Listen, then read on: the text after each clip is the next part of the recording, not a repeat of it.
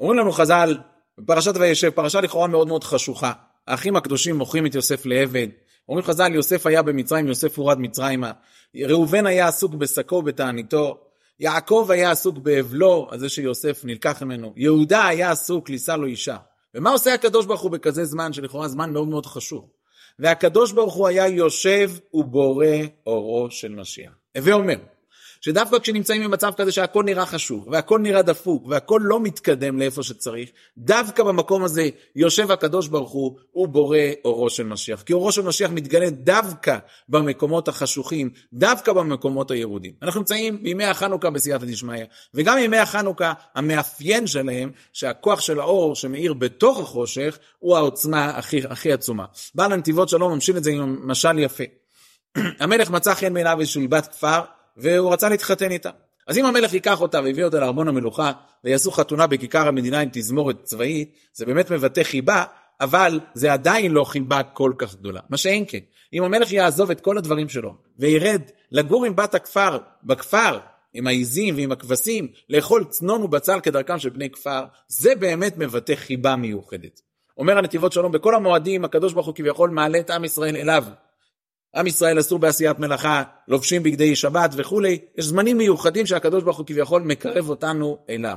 אבל בימי החנוכה זה בדיוק ההפך, הקדוש ברוך הוא יורד אלינו, אל תוך החושך, אל תוך ימי החול, אל תוך רשות הרבים שכמו שכידוע בספרים זה בעצם ההפך מהקדושה, אל תוך הלילה, אל תוך למטה מעשרה טפחים. זה מקומות הכי חשוכים ולשם יורד אורו של הקדוש ברוך הוא, זה מבטא חיבה מיוחדת ועצומה של הקדוש ברוך הוא לעם ישראל. ידוע שבמקומות רבים חוגגים את הנר חמישי של חנוכה, יש כל מיני הסברים, אבל ההסבר הכי נכון לפי מה שכתוב, זה דווקא הנקודה הזו, שנר חמישי אף פעם לא יכול לחול בשבת.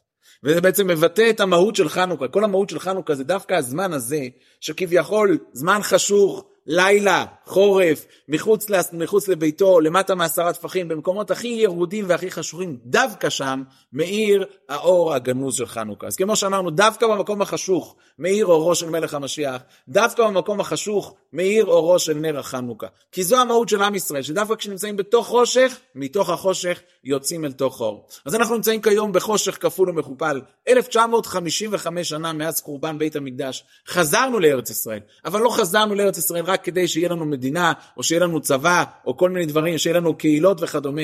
חזרנו לארץ ישראל כי הכל זה חלק מתהליך אלוקי שמימי להביא אותנו בשלב הבא לחשוף זרוע קודשך וקרב קץ הישועה, נקום נקמת דם עבדיך. מהומה הרשעה, וקרב לנו, כי אכל לנו השעה ואין קץ ימי הרע. דחי אדמון, בצל צלמון, הקם לנו רועה שיבה, שכפי שידוע זה, זה המלך המשיח שאנחנו מצפים להתגלותו בכל רגע. יהי רצון לפני השם יתברך. שיהיה לנו את השכל לבקש, כי חז"ל הקדושים אומרים שזה תלוי בבקשה שלנו.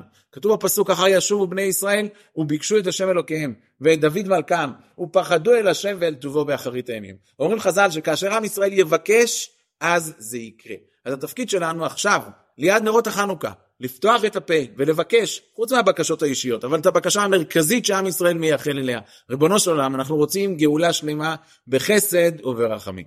שבת שלום ובשורות טובות.